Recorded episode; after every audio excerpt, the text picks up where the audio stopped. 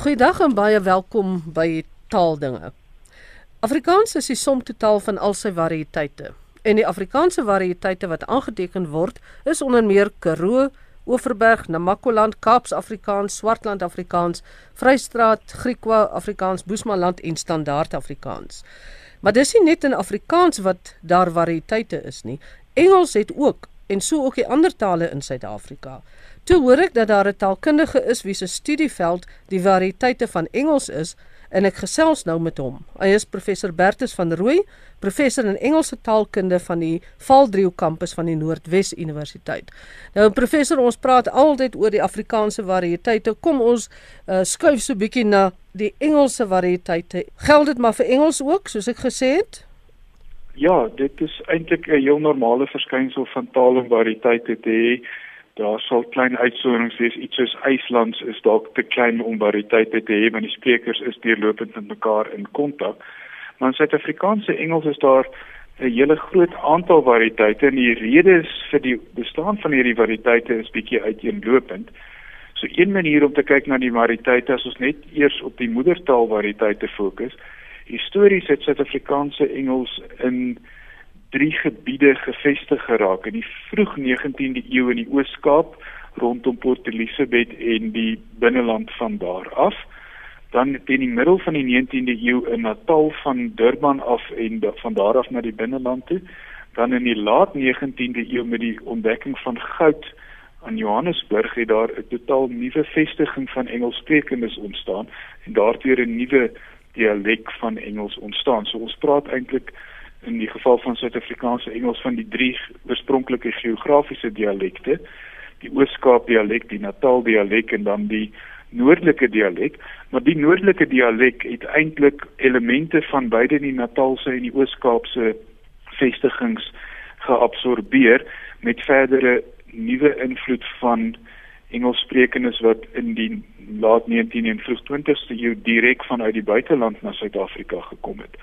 So dis die geografiese variëteit en dit ontstaan maar eintlik soortgelyk as wat die geval met Afrikaans is omdat mense in een gebied intrek en daardie gebied het hulle met mekaar onderling baie kontak en oor 'n verloop van tyd tipies verwag ons twee generasies 50 jaar kry jy dat die mense wat aanvanklik verskillende forme van 'n taal praat nader en nader aan mekaar beweeg. So teen die tyd wat die derde generasie gebore word praat die meeste mense in daardie gebied ongeveer soortgelyke forme van die taal. Maar nou is dit so dat in die Oos-Kaap die Engelssprekendes wat daarheen gekom het uit die verkeerde kant van Londen en die plattelandse gebiede ten suide van Londen gekom en hulle dis eienskappe van hulle vroeg 19de eeuse Engels sin toe verplant en die gemiddeld op 'n manier van daardie verskillende forme van Engels het vir ons die Oos-Kaapse dialek gevorm terwyl die mense wat hulle self in Natal gevestig het ongeveer 30 jaar later het van die noorde kant van Londen en die gebiede ten noorde van Londen in Engeland self vandaan gekom. So hulle het met 'n ander vorm van Engels daar aangekom en die vorm van Engels wat onder hulle gestabiliseer het, klink dus anders as die vorm van Engels wat in die Oos-Kaap gestabiliseer het. Toe het mense uit die Oos-Kaap en Natal saam Johannesburg te beweeg en met mekaar daar in kontak gekom en ook in kontak gekom met mense wat van Engeland self of van Ierland of selfs van die Verenigde State op soek na 'n fortuintjie in die goudbedryf op Johannesburg toegesak het en toe vroeg in die 20ste eeu daar 'n groot hoeveelheid Joodse mense eintlik uit Oos-Europa daar aangekom. Hulle was nie Engels sprekend nie, maar het binne 'n generasie of twee deel begin vorm van die Engelssprekende gemeenskap en 'n nuwe soort invloed ingebring en oor verloop van tyd waarskynlik teen die middel van die 20ste eeu het 'n nuwe variëteit van Engels ook daar gestabiliseer. Maar die Engelse variëteite is nou nie lyk dit vir my soveel soos wat die Afrikaanse variëteite is nie, is ek reg? Dit is nou eintlik net wat die moedertaalsprekers betref. Ja. En dan het daar nou oor die tweede helfte van die 20ste eeu 'n tweede groep moedertaalsprekers van Engels ontwikkel uh, weer in Natal, maar in die Indiër gemeenskap. Hier van die middel 1950s tot die middel 1970s het grootskaalse taalverskuiwing plaasgevind waar daar oorspronklik 'n groterige aantal maar veral 5 prominente tale uit Indië onder Indiërs in Suid-Afrika gepraat is het met die vestiging van skole in die 1950s Engels die voertaal in die skole geword en die kinders het eintlik Engels toenemend begin gebruik en eintlik ook naderhand toe hulle ouers word, het dit hulle huistaal geword. En onder die groep mense het 'n ander vorm van Engels gevestig geraak as as 'n verdere nuwe moedertaalvariëteit, maar weens die apartheidswetgewing van die tyd was die kontak tussen Indiërs en blankes in Natal ook beperk, sê maar tot enkele kontaksituasies in die handel en enkele spesifieke werkplekke, maar nie baie breed nie. So daarom het die twee forme van Natalse Engels onder die wit sprekers en onder die Indiërs sprekers nie dieselfde geklink nie en het 'n heeltemal nuwe vorm van Engels daar ontstaan. Dis vandag besig om te verander omdat die wetgewing wat mense vroeër uitmekaar gehou het verval het. Natuurlik woon mense dikwels nog in gebiede wat histories tot een bevolkingsgroep uh, gereserveer was, maar soos wat dit verander en kinders veral in skole met mekaar in kontak kom, kry jy tog 'n mate van gelykvormigheid wat onder die kinders ontstaan en dat die groot verskille wat sê maar 'n generasie gelede of twee generasies gelede in die skole in tradisionele wit en indiër woongebiede in Durban sou bestaan het, nou kleiner word, veral in die histories wit buurte wat nou baie meer multikultureel en geïntegreerd word waar die kinders bymekaar kom. So dis waar ons dan 'n vierde vorm van Suid-Afrikaanse Engels kry. En dan het dit natuurlik van vroeg in die 19de eeu al gebeur dat daar tweetaligheid ontwikkel het met veral Afrikaanssprekendes of vroeë sprekers van vroeë Afrikaans dan wit en bruin wat ook gaandeweg Engels as addisionele taal aangeleer het. Nou 'n kleiner groepie van hulle, maar die, groep is miskien aan die groei veral in die Wes-Kaap onder die historiese bruin gebiede soos wat mense in die huis eintlik al verskuif na Engels. Toe kry ook daar weer nuwe forme van Engels. Maar voor dit het jy dus forme van tweede taal Engels gekry wat bepaalde stabiliteit begin vertoon. Die Afrikaans sprekende se Engels wat is in sekere opsigte ooreenkomste toon met die moedertaalsprekers uit die Oos-Kaap veral want die Engels moedertaalsprekers wat in die Oos-Kaap gevestig is was ook daar vir redelike mate in kontak met Afrikaans sprekende so Afrikaans het 'n kleinerige invloed ook op die stabilisering van Engels in die Oos-Kaap uitgeoefen maar die eienskappe van Afrikaans sprekende Engels ek praat nou nie hier van mense wat sukkel om hulle self in Engels te help en het, kom ons sê maar Engels uit selfverdediging praat nie maar mense wat vlot sprekers van Engels is jy meen nou mense wat nou werklik kan speak the tale daardie groep ja. Hulle Engels is in kleiner opsigte tog onderskeibaar van die van moedertaalsprekers, maar die verskille is nie so groot nie. So ek vind self ek weet ek val ook in daardie kategorie.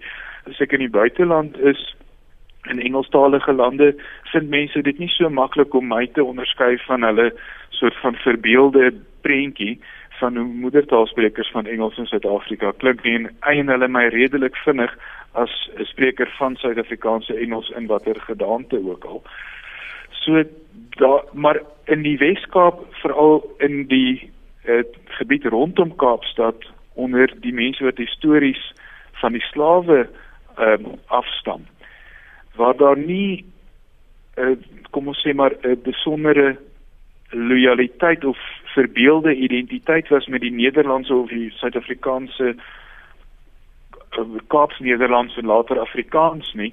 Die mense het eintlik van baie vroeg af in die middel van die 19de eeu al Engels en Afrikaans redelik met mekaar begin vermeng. Dit daar 'n vorm van 'n uh, eh, plaaslike spreektaal uh, wat in die literatuur bekend staan as die Cape Vernacular. Dit is nie presies dieselfde as Kaapse Afrikaans nie. Dit is hoewel dit soms moeilik om die lyn te trek tussen hierdie Cape Vernacular English en Kaapse Afrikaans want albei neem vreeslik baie elemente van mekaar oor. So kan 'n mens dan ook sê soos in die geval met Afrikaans dat daar in Engels met al die agtergrond wat jy nou gegee het oor die variëteite en hoe dit ontstaan het, 'n standaard variëteit van Engels in Suid-Afrika is. Wat verskil van oorseese Engels? Dit is nogal 'n kontensieuse vraag. My antwoord is ja, uh, maar daar is van my kollegas wat uh, ongetwyfeld van my kan verskil. Uh, en dis 'n soortgelyke vraag wat eintlik in 'n sekere mate in Australië en Nieu-Seeland en Kanada gevra word en is 'n vraag wat op 'n effens ander wyse ook in lande soos Singapore en Indië en Hong Kong en selfs in Afrika en plekke soos Nigerië en Ghana en Kenia gevra word. En dit is is dit nou so dat daar 'n ander standaard vorm van Engels in lande anders as Brittanje en Amerika bestaan?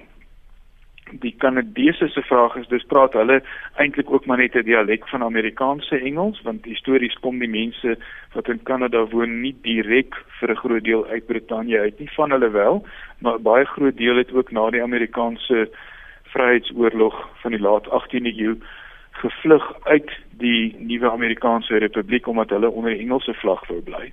Maar hulle is nie direk van Brittanje af gekom nie hulle het van die VSA af gevlug so hulle het tot op daai punt eintlik 'n gedeelte dialek gehad.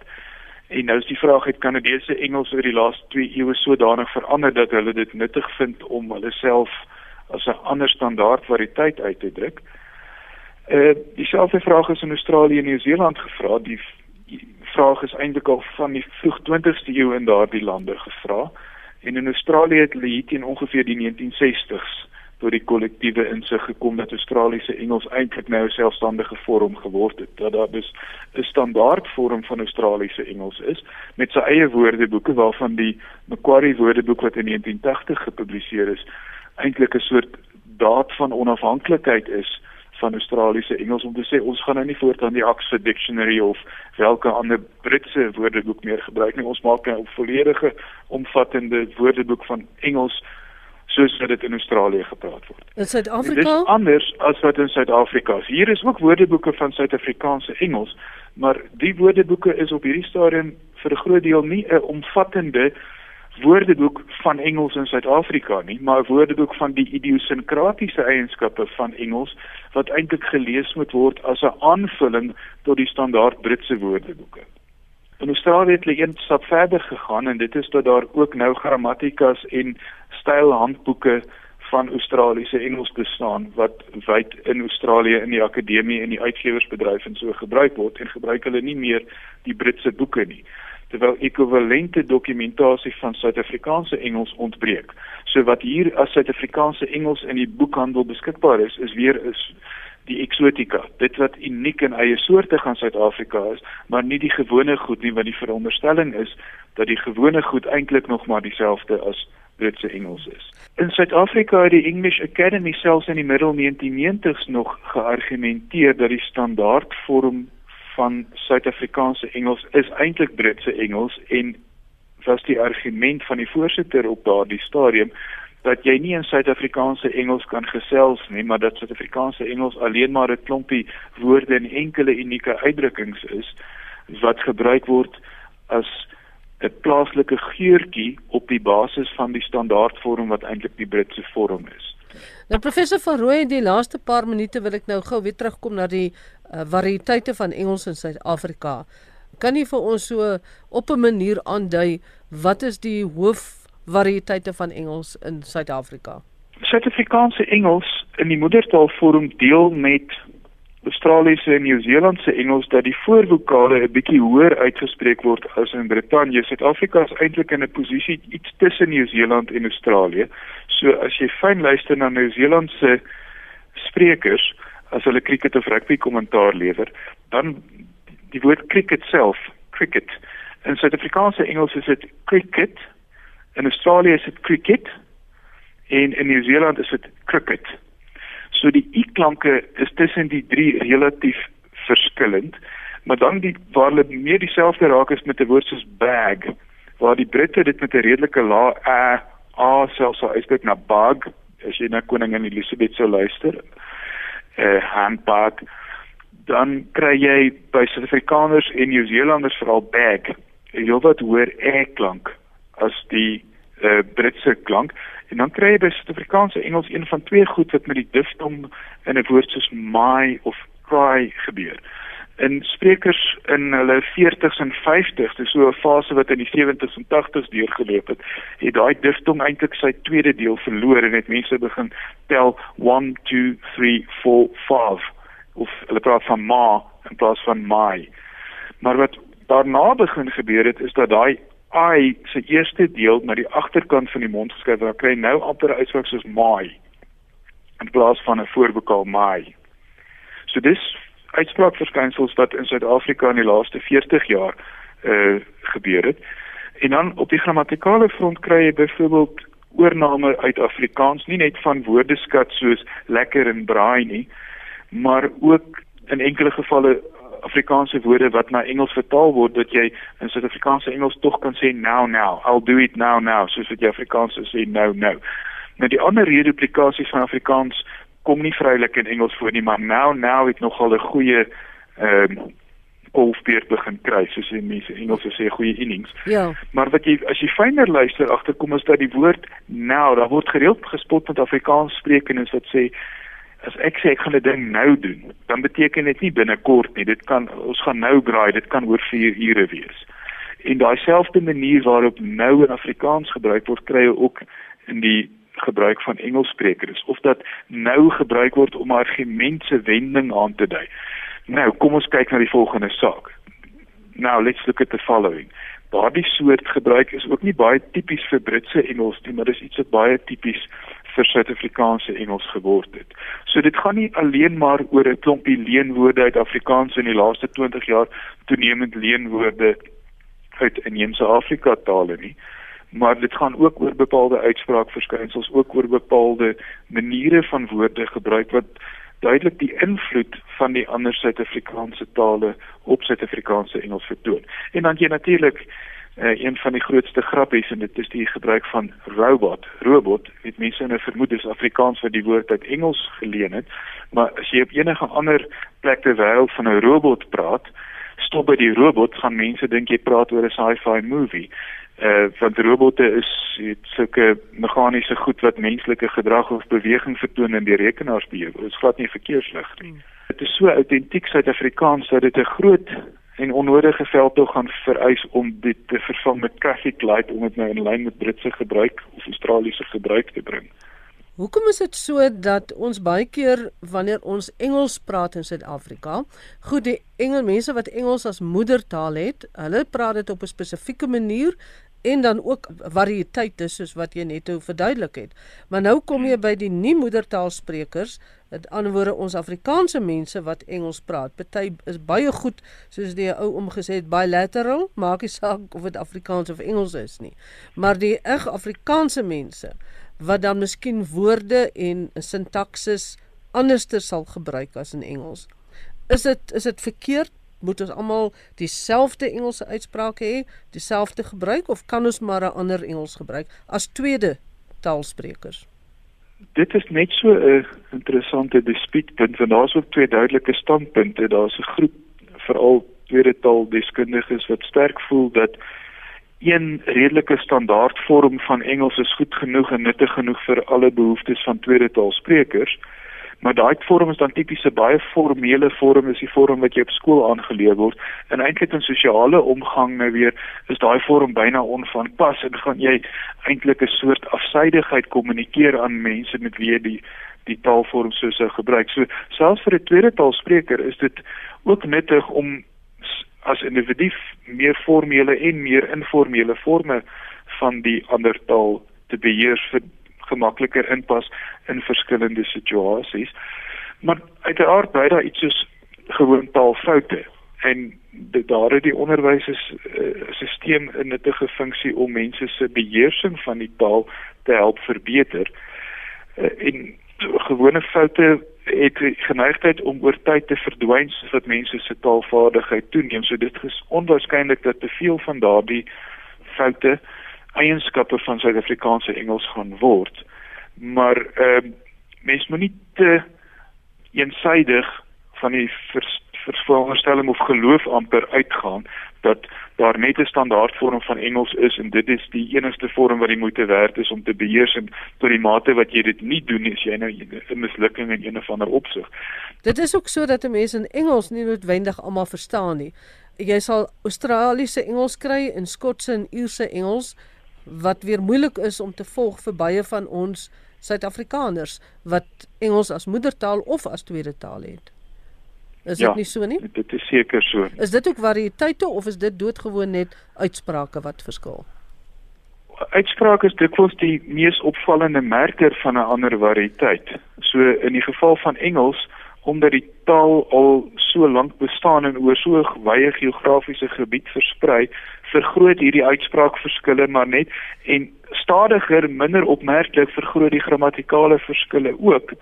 So jy sal vind as jy luister na Amerikaanse Engels uit die suide, behalwe die uitspraak dalk baie moeilik kan wees om te volg, is hulle E's en R's glad nie meer so helder soos wat ons in sou wees nie. So hulle gebruik baie minder die singular S as wat 'n uh, tweede taalspreker in Suid-Afrika dit sou doen want hulle gaan eintlik feitelik sonder die Concord en dan sou in die noorde van Engeland weer 'n so soortgenaamde Northern Concord rule waar wy dikwels ook 'n S neem op die werkwoord. Nou op daardie noot sal ons dan nou afsluit. Baie dankie professor Bertus van Rooi, professor in Engelse taalkunde aan die Valdriehoek kampus van die Noordwes Universiteit wat met ons kom praat het en 'n bietjie insig gegee het in die Suid-Afrikaanse en internasionale Engelse variëteite.